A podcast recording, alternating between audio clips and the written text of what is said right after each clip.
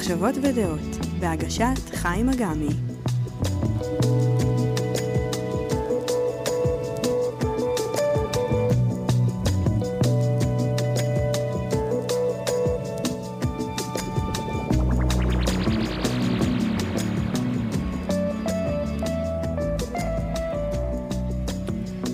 שבת שלום לכם, מאזינות ומאזינים. אתם על אה, רדיו כל הגליל העליון, 105.3 FM. אני חיים אגמי.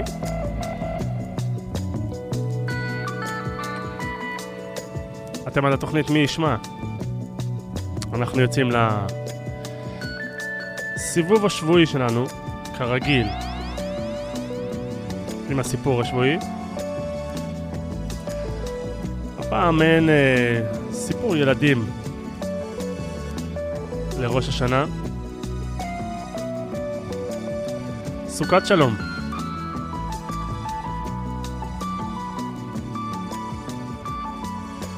נעים להכיר, אני מירית ואני בת תשע. עדי היא אחותי הגדולה. לפעמים היא אחות טובה, אבל לפעמים היא יכולה להיות ממש מעצבנת. בעיקר כשהיא מתחילה להזכיר לי שבגלל שהיא בת 14, היא הרבה יותר מבינה, מסוגלת ומוכשרת ממני. אני לא סובלת את זה. מה היא חושבת לה, שילדה בת תשע היא תינוקת?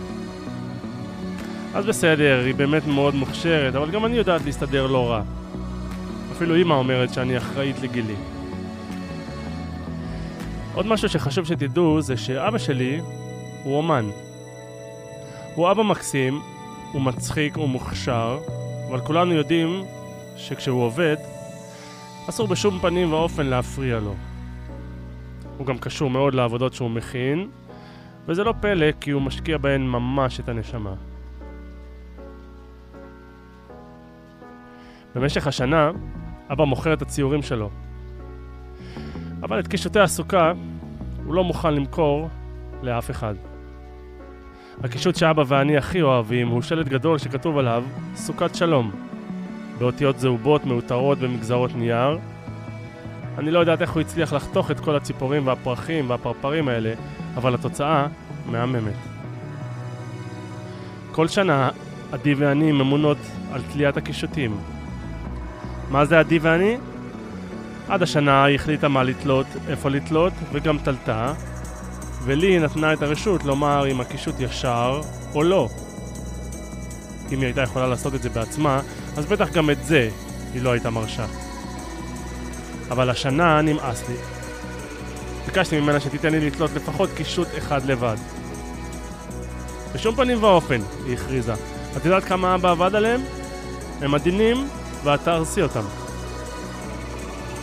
די, תפסיקי להתייחס אליי כמו אל תינוקת.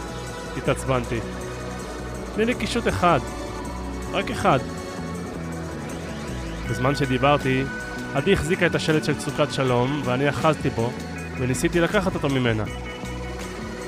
לא חשבתי שהיא מחזיקה אותו כל כך חזק. במקום להחליק לה מתוך הידיים, החלק שתפסתי נקרע ונשאר לי ביד. סוכת שלום הפכה לסוכת של, ומרוב בהלה פרצתי בבכי. מה נעשה עכשיו? בכיתי. נתלה קישוט אחר במקום, ונקווה שאבא לא ישים לב, היא אמרה ברכות, וראיתי שהיא מרחמת עליי. אבל שתינו ידענו שאין מצב שאבא לא יבחין שהקישוט איננו. אמא לא הבינה למה אני כל כך עצובה ועצבנית בערב סוכות. ידעתי שאני חייבת להודות שהכל באשמתי, ופחדתי. גם לסוכה לא רציתי להיכנס, אבל החג הגיע, ובלית ברירה נכנסתי עם כולם. פחדתי להסתכל, חיכיתי לשמוע את התגובה של אבא, אבל הוא רק שר שיר, ואף מילה על הקישוט החסר. הרמתי את הראש, ולרגע הייתי בהלם. הקישוט ניצב שם בריא ושלם. הסתובבתי לעבר עדי שחייכה חיוך קטן.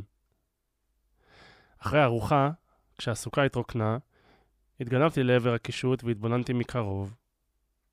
מישהו מוכשר מאוד הצליח להדביק את האותיות עם כל הפרחים והפרפרים בחזרה בצורה כמעט מושלמת. ואז ראיתי את עדי לצידי. זאת בעצם הייתה גם קצת אשמתי, היא אמרה. בלי נדר, בשנה הבאה אני אתן לך לעזור באמת. תודה, אמרתי, מכל הלב. ונראה לי שאותיות השלום זהרו עוד יותר מכרגיל.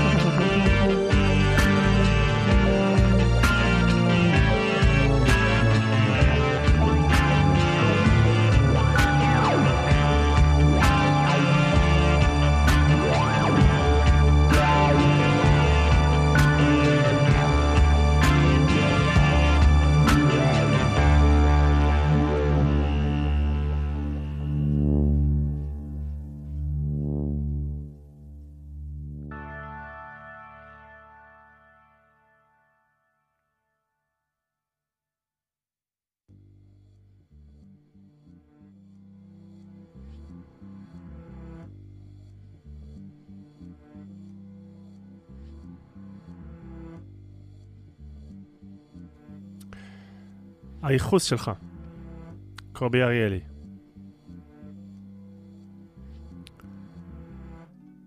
אפילו המכונית כבר מכירה את הדרך מאליה. פעם בשנה, בעשרת ימי תשובה, בין כיסא לעשור, אני אוסף את הוריי היקרים, וביחד אנחנו נוסעים לטיול השנתי בהר המנוחות.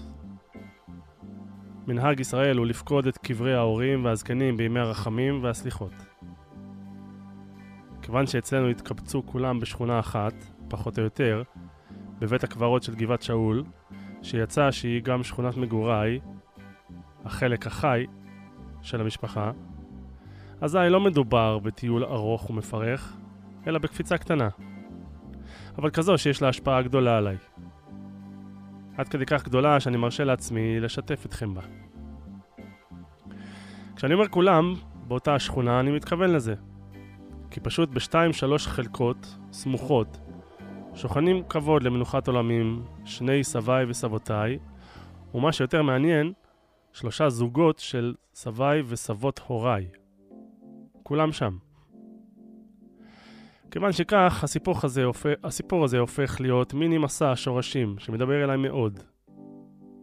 לא כל אחד מבני דורי זוכל את הארוחה המפוארת הזו מול עיניו.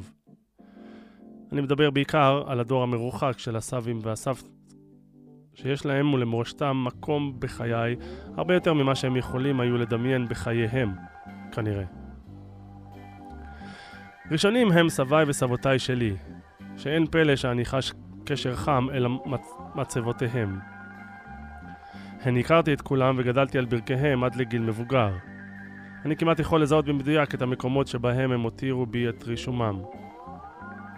המורשת החסידית מהצד האחד, המורשת הליטאית מהצד השני, ומגע חינוכן העקיף של הסבות, שאני ממש פוגש אותו באין ספור נקודות. ואז עוברים דור אחד אחורה ופוגשים את רבי יצחק וחיה לאה אריאלי. סבי הגדול היה מגדולי רבניה של ירושלים, תלמידו הקרוב של הרב קוק, פוסק ומחבר פורה, חתן פרס ישראל לספרות תורנית. השנה ימלאו חמישים לפטירתו. לאחרונה התאגדנו רבים מצאצאיו, ובהם רבנים גדולים, שופטים ואנשי ספר, והתחלנו לקיים בינינו קשר. כבר סיפרתי על כך שהמפגשים האלה, שנוטלים בהם חלק אנשים ונשים שקרבת המשפחה ביניהם היא מדור שלישי ולפעמים רביעי, מצליחים ומרגשים במיוחד. אחר כך ממשיכים לחלקה הסמוכה, שם שוכנים רבי יעקב פייסטר אייזנבך ויהודית רעייתו. יהודית היא הבבא יהודית.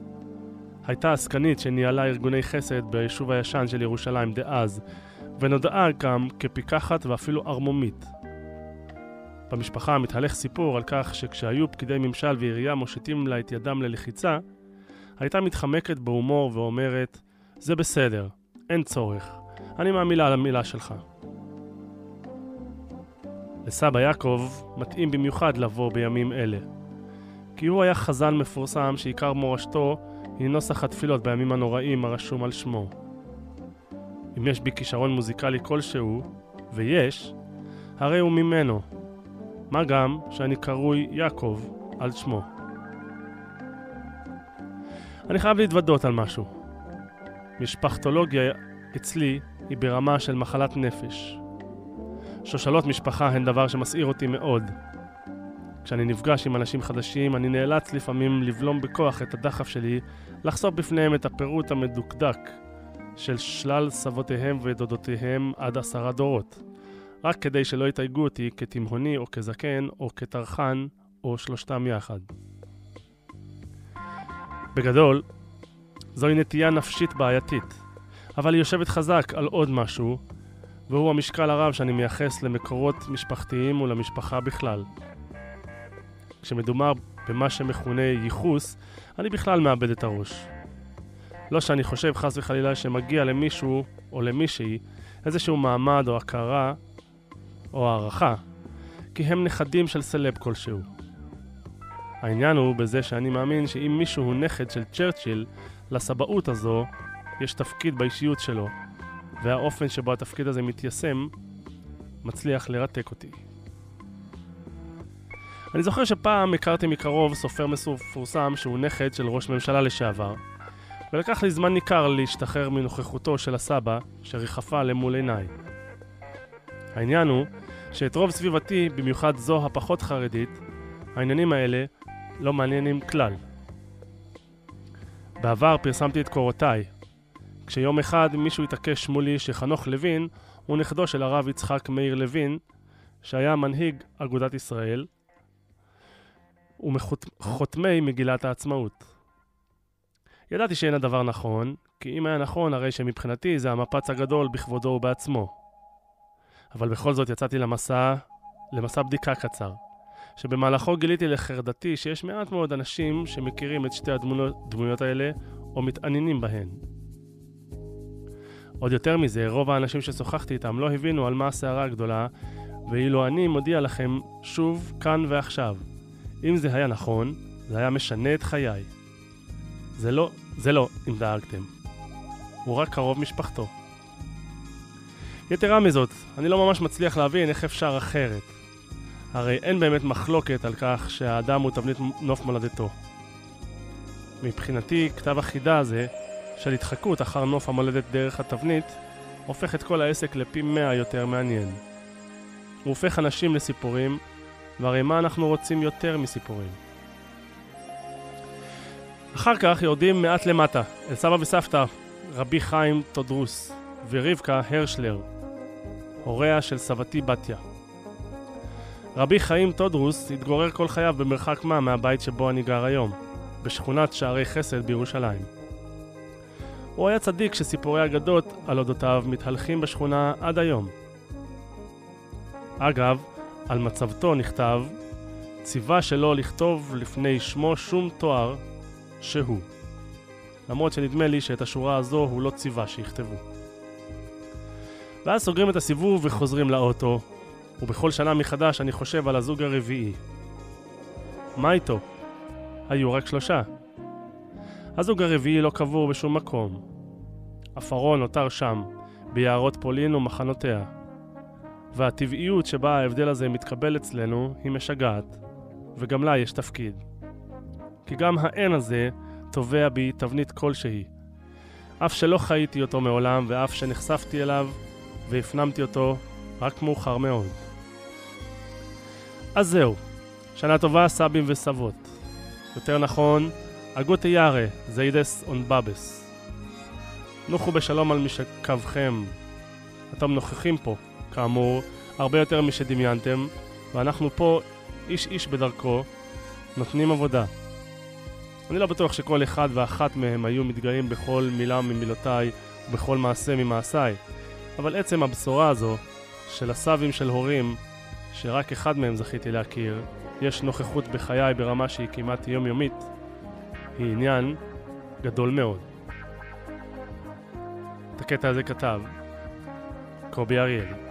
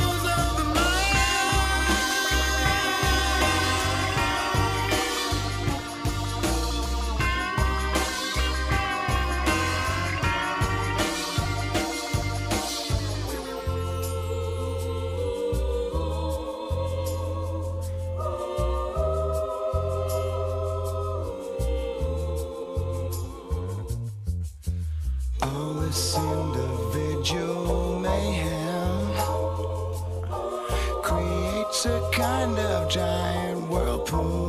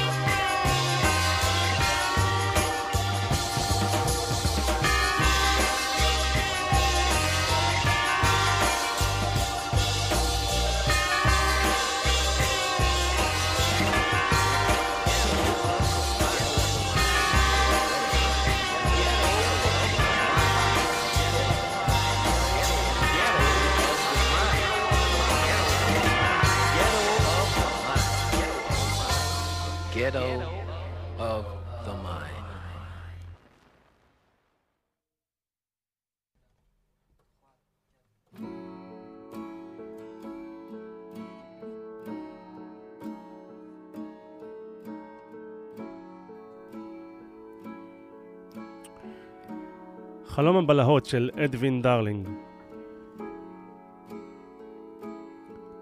סגן אלוף אדווין דרלינג היה סמוך ובטוח שהוא מפקד על מחנה השבויים המאובטח ביותר באנגליה. מחנה 198 שכן ליד ברידג' אנד שבדרום ויילס וכונה בפי תושבי המקום חוות איילנד. הוא היה מוקף גדר תיל גבוהה והיו בו זרקורים וכלבי שמירה. בלילה סיירו שומרים חמושים סביב הגדרות. הייתה סיבה טובה לסידורי הביטחון האלה. באביב 1945 שכנו במחנה יותר מאלפיים שבויי מלחמה גרמנים, ובהם כמה מפקדי יחידות עילית של האס-אס וכמה טייסי קרב של הלופטוואפה. כשהובאו הנאצים הקנאים האלה למחנה, הפגינו את הלך רוחם המרדני בשיר "אנחנו צועדים לאנגליה". דרלינג ידע שאם יצליחו שבויים להימלט מן המחנה, יחולל הדבר אסון תעמולתי. הדבר האחרון שרצה בו היה סיפור דומה לפרשת בריחתם של שבויי בעלות הברית מסטלאג לופט 3. המעורבים בבריחה ההיא הועלו על נס בתור גיבורים, ואומץ ליבם הונצח לימים בסרט ההוליוודי הבריחה הגדולה. בעשרה במרס, בשעות הערב, עלה דרלינג על מיטתו. למיטב ידיעתו, היה הכל כשורה במחנה. במפקד הערב לא היו שום הפתעות, לא רצויות, והשבויים חזרו בלי הפרעה אל מעונותיהם. הרמז היחיד שמשהו אינו כשורה צץ כשעה מאוחרת יותר בלילה ההוא. שנתו של דרלינג הופרעה בשל רעש שהקימו שבויים ששרו בקולי קולות. אבל זה לא היה יוצא דופן, שכן יושבי מחנה 198 שרו לא פעם עד שעת לילה מאוחרת. אבל למקהלות הרמות האלה הייתה מטרה. זה חודשים רבים עסקו השבויים בסתר בחפירת מנהרה ענקית. מביתן מספר 9 אל מחוץ למחנה. בשבוע השני של מרס הושלמה המולאכה, ועשרות שבויים קיוו להימלט דרכה. המנהרה, קצת יותר מ-20 מטרים אורכה, הייתה מלאכת מחשבת של טכנולוגיה גרמנית.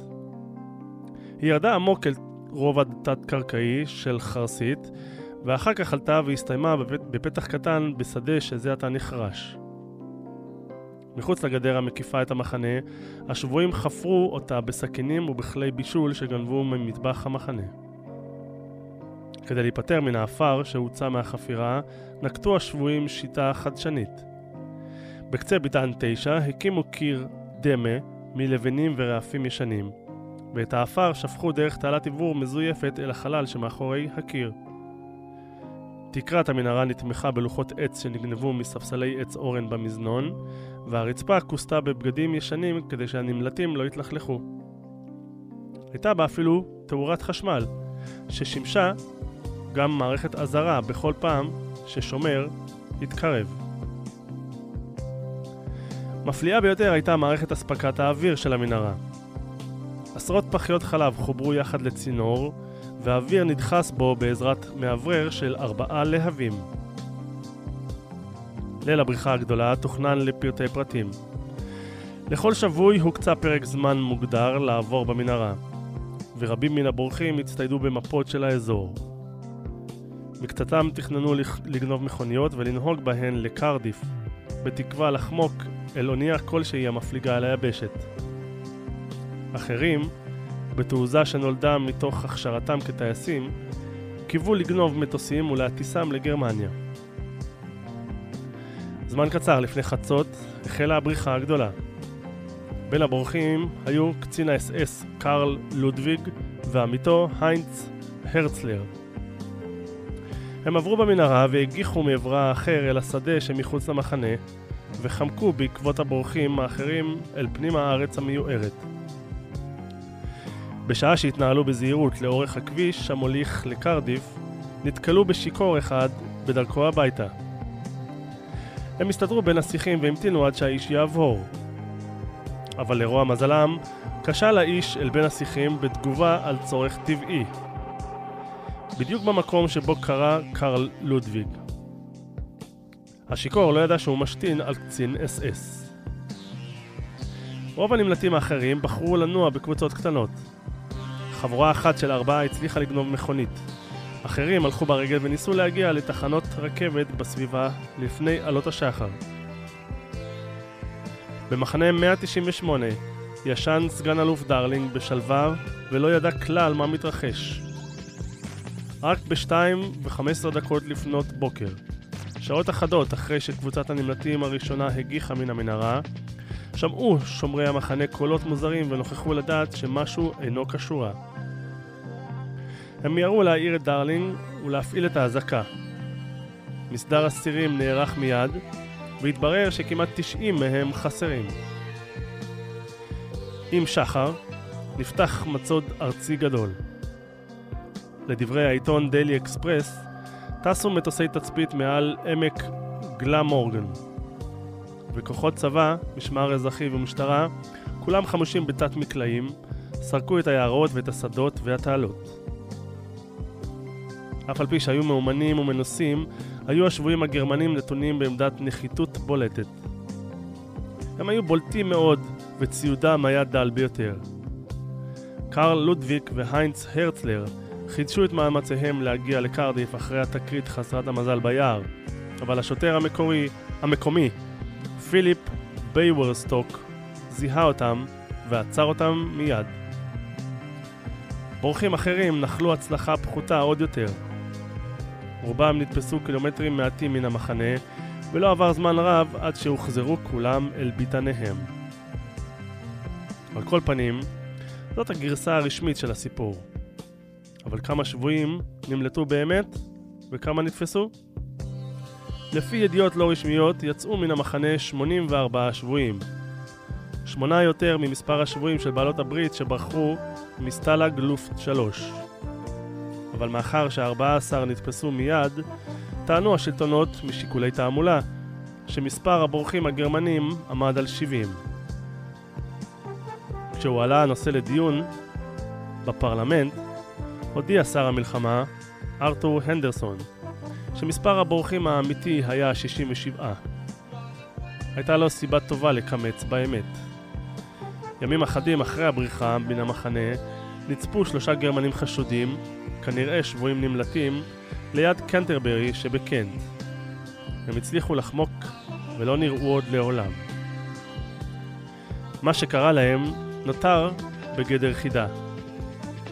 ההסבר המתקבל ביותר על הדעת הוא שהם גנבו סירה וניסו לחזור לגרמניה. לא ברור אם עלה הדבר בידם או לא. אבל מיטותיהם הריקות במחנה 198 בוודאי היו קוץ בבשרו של אדווין דרלינג. ותזכורת מתמדת, שבמשמרת שלו אירעה אחת הבריחות הגדולות ביותר מן השבי במלחמת העולם השנייה.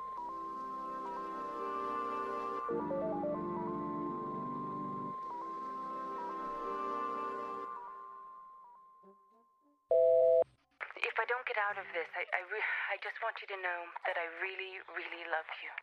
Love you, love you, love you.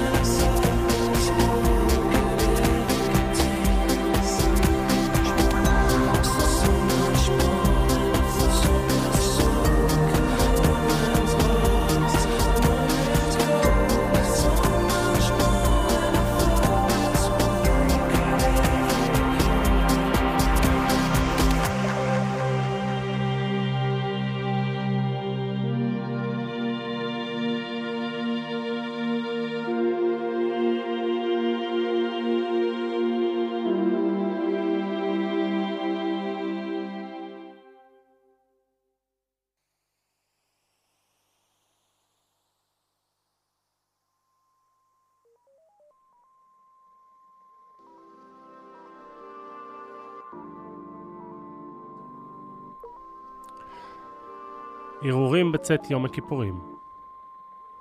ג'קי לוי. מאז שאני זוכר את עצמי, יש בלבבי מקום מיוחד למוצאי יום הכיפורים. הערב הזה הוא מותק של דבר. שעת רצון ונעימות. הוא מתחיל בחזרה הרגלית הביתה. אחרי מרתון ממרק של תפילות עתיקות וכבדות, יש בי הקלה שאני לא יכול לתאר. ברגעים האלה אין בנפשי אפילו זכר לקטנוניות או לצרות עין. חלקים בתוכי שיכולים לעיתים להיות דפוסים, אפילו קפוצים, ברגעים האלה הם רפואיים ומשוחררים. מתחשק לי קפה, אבל אני פוסע הביתה בצעדים מתונים. לא ממהר לשום מקום, וכל האנשים בדרך נראים לי יפים ורקים יותר. חיוך ילדותי עולה על פניי כשאני מהרהר בדבר המטורף שהייתי חלק ממנו, אך לפני כמה רגעים. מיד אחרי שהסתיימה תפילת נעילה החגיגית והנשגבת, בכל הפתוס והשופר, עברנו כמו כלום לתפילת ערבית רגילה ושגרתית. כמו להחליף מלמלה בג'ינס, כמו לצאת ממסעדת מישלן ולתת ביס בתפוח. בכל שנה זה קורה, ובכל שנה זה מפתיע אותי מחדש. ובדרך המתוקה היא הביתה, כל דבר מכוער עשוי לטלטל את הנפש. רכב, נניח, עובר בכביש, וכבר הוא צופר צפירות טנטרום עצבניות. עוד לא עברו עשר דקות מצאת הצום, וכבר הוא כועס על כל העולם. וזה אומנם מחזה מזרח תיכוני, נפוץ ויומיומי, אבל בשעה הזאת ובערב הזה, אני מביט בו כאילו צנחתי מהירח. כאילו אני בכלל לא מפה, ולא מבין למה כל הכעס האיום והנורא הזה. וקצת מצטער עליו, שזה מה שנשאר לו במצבר במוצאי הקודש. זה באמת נותן לך וואחד כאפה. ואין לי דבר חכם או חדשני במיוחד לומר על מה שקרה ביום הכיפורים השבוע בתל אביב. אבל אחרי יום כיפורים חזק ויפה בקהילה שלי, הרגע שבו התוודעתי למה שקרה בדיזינגוף, היה רגע של כאב לב משתק. כלומר, וואחד כאפה.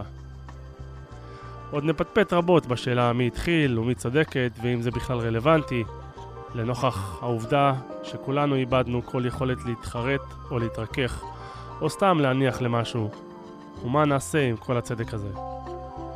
אבל ראשית לכל, נצטרך כל אחד ממקומו לשאול את עצמו מה הוא יכול לעשות כדי שתמונות כל כך מכוערות לא ישובו ויזהמו את מה שהיה אמור להיות היום הקדוש, הנעלה והנשגב של ישראל.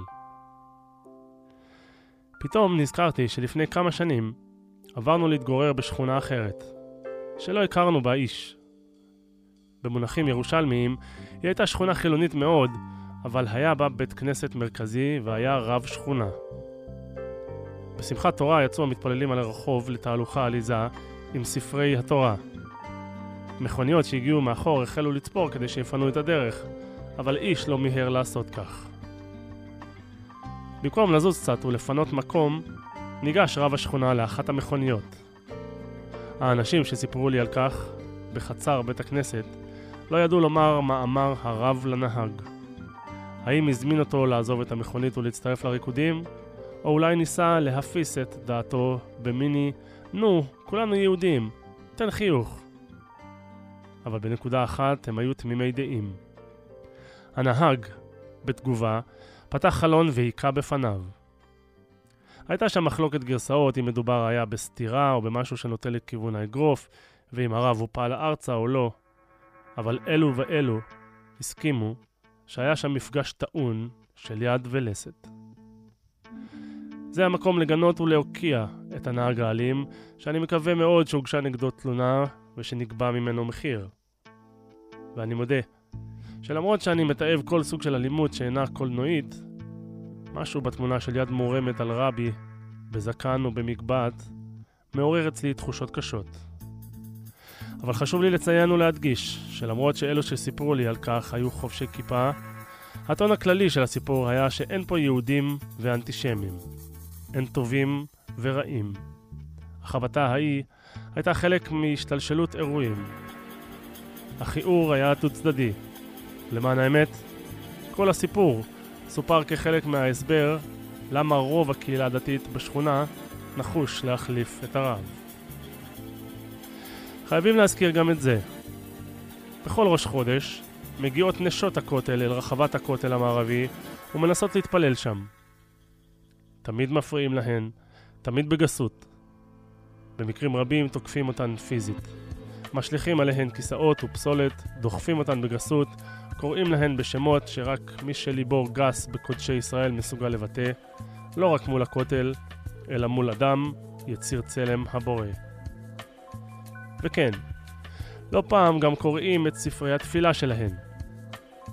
קרע אחד כזה נשלח אליי פעם בדואר, כמו לעיתונאים רבים אחרים. היו מספיק קרעים לכולם. אני לא יודע מה עושה משטרת ישראל לגבי זה, אבל אני יודע שלא מספיק. וגם אני לא מספיק השמעתי את קולי בעניין, ובוודאי לא עשיתי די. ואני יודע דבר אחד נוסף. כל מי שהכשיר את האלימות כלפי נשות הכותל מתוך הטענה העלובה שהן בסך הכל מחרחרות פרובוקציה, הכשיר גם את הקרקע לכך שאפשר יהיה לראות בתפילה, בכל תפילה, לא יותר מאשר פרובוקציה. וחייכו. ואם התשובה הנכונה לפרובוקציה היא צווחות ואלימות, אז נדמה לי שעלינו על המתכון לתפילת יום הכיפורים בנוסח עדות דיזינגוף. אם יש מכנה משותף בין דתיים לבין ליברלים, אני מאמין שזה מין הנחת יסוד שכל מי שרק יפגוש בהם, יכבש בקסמיהם. יתאהב או לפחות ישתוקק להיות אחד מהם. לכן, למשל, דתיים רבים מגיבים קשה לתגלית שלא כולם חושבים שהם מביאים איתם את האור, ולא כולם מתלהבים מכל טקס, תיאוריה או פרקטיקה שקשורים בהם. מאותה סיבה עצמה, אירופאים רבים לא יודעים מה לעשות עם העובדה שמהגרים שהגיעו ליבשת לא מוקסמים כלל מהאפשרות להפוך לשוודים או להולנדים, ומתעקשים להישאר בדיוק מי שהם, לא אירופאים ולא ליברלים. כדתי שהוא גם ליברל, אני מודע לדפקט באופן עמוק. אם כן, מאבק חזיתי בין המחנה הדתי למחנה הליברלי צפוי להביא איתו המון תצוגות של היתממות וגלגולי עיניים. ובקיצור, אנחנו צפויים לאקשן מהסוג היותר מעפן. בהצלחה לכולנו. עקרונית, דת ואלימות היו אמורות להיות הפכים מוחלטים. מעשית, נו טוב, מה נעשה עם המעשית? אני זוכר ימים שבהם אנשים אמרו דברים כמו אבל איך הוא מסוגל להתנהג ככה, ויש לו כיפה על הראש? אני לא חושב שעדיין נותרו בינינו אנשים כה תמימים. פושעים מיושנים שעדיין מניחים כיפה על הראש בבית המשפט כבר לא נחשדים בצביעות, אלא בפתטיות. עקרונית, תפילה ואלימות אמורות להיות שמן ומים. אם יש משמעות כלשהי לרגע שבו אדם עומד מול בוראו, היא אמורה להתבטא ברוך ובעדינות אינסופיים. אבל לא צריך להיות מומחה לבתי כנסת כדי לדעת שלא פעם, דווקא שם, מול ארון הקודש, עשויה להתלקח קטטה. על מה באמת? ובכן זה כבר קשור פחות לענייני דת ויותר לטבע האנושי. אגו, כבוד, יצר ההתנצחות. אני חושב שהחכמים שניסחו את התפילה היהודית היו מודעים לגמרי למקומות האפלים שאליהם יכולה להתגלגל המוטיבציה הדתית. לכן, יש לא מעט מקומות בתפילה שמתארים מין מודל שמימי שבו משרתי האל נותנים באהבה רשות זה לזה. מין יקום מקביל שבו מאמינים מסוגים שונים לא מפסיקים לפרגן ולומר אחד לשני תפאדל, בכבוד, וכתוב בעיניך. את הטקסטים האלה אומרים יהודים דתיים בכל יום, אבל לא ברור מה מתוך זה גם חודר פנימה. עקרונית, ליברליזם ואלימות היו אמורים להיות הפכים מוחלטים. מעשית? נו טוב, מה נעשה עם המעשית? את הקטע הזה כתב ג'קי לוי.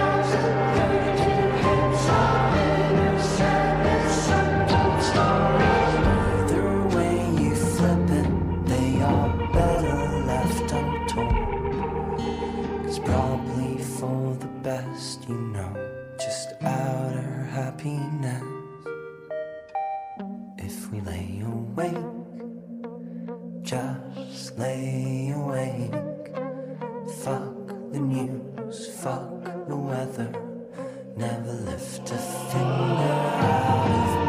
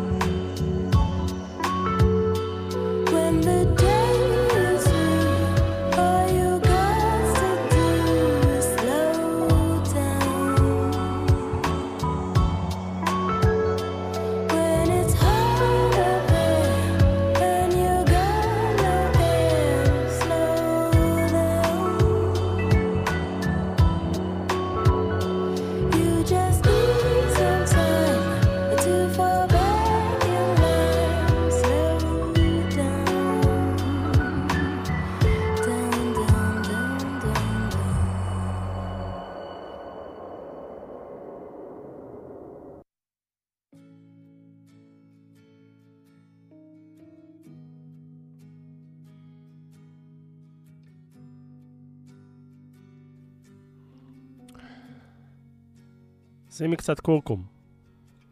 ענת גביש. פרק דג חתול.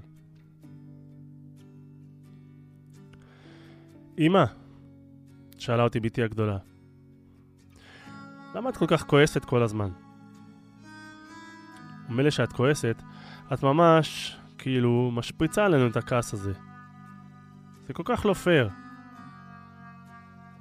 אחרי שהקטנים נרדמו, ישבתי איתה והתחלתי להסביר, לאט לאט, לפרטי פרטים.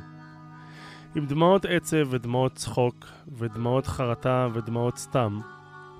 למה אני כל כך כועסת? והיא הקשיבה, והעיניים שלה נהיו כבדות, וההנהונים כבר היו במקומות הלא נכונים.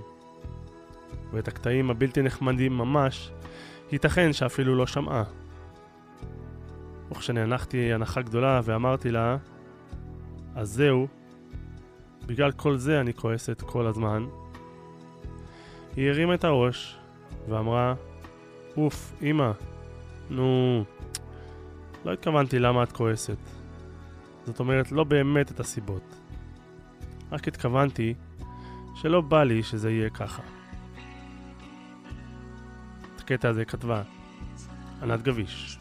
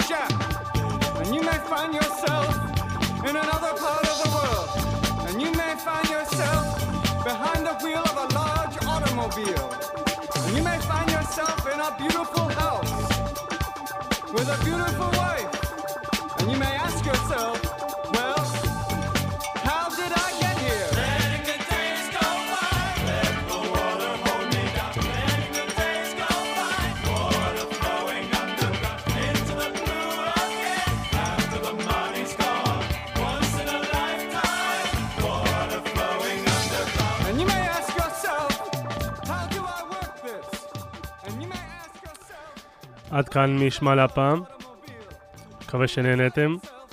אתם הייתם על אה, רדיו כל הגליל העליון, 105.3 FM. אני חיים אגמי, מאחל לכם שבת שלום, חג שמח. אנחנו נשתמע. להתראות.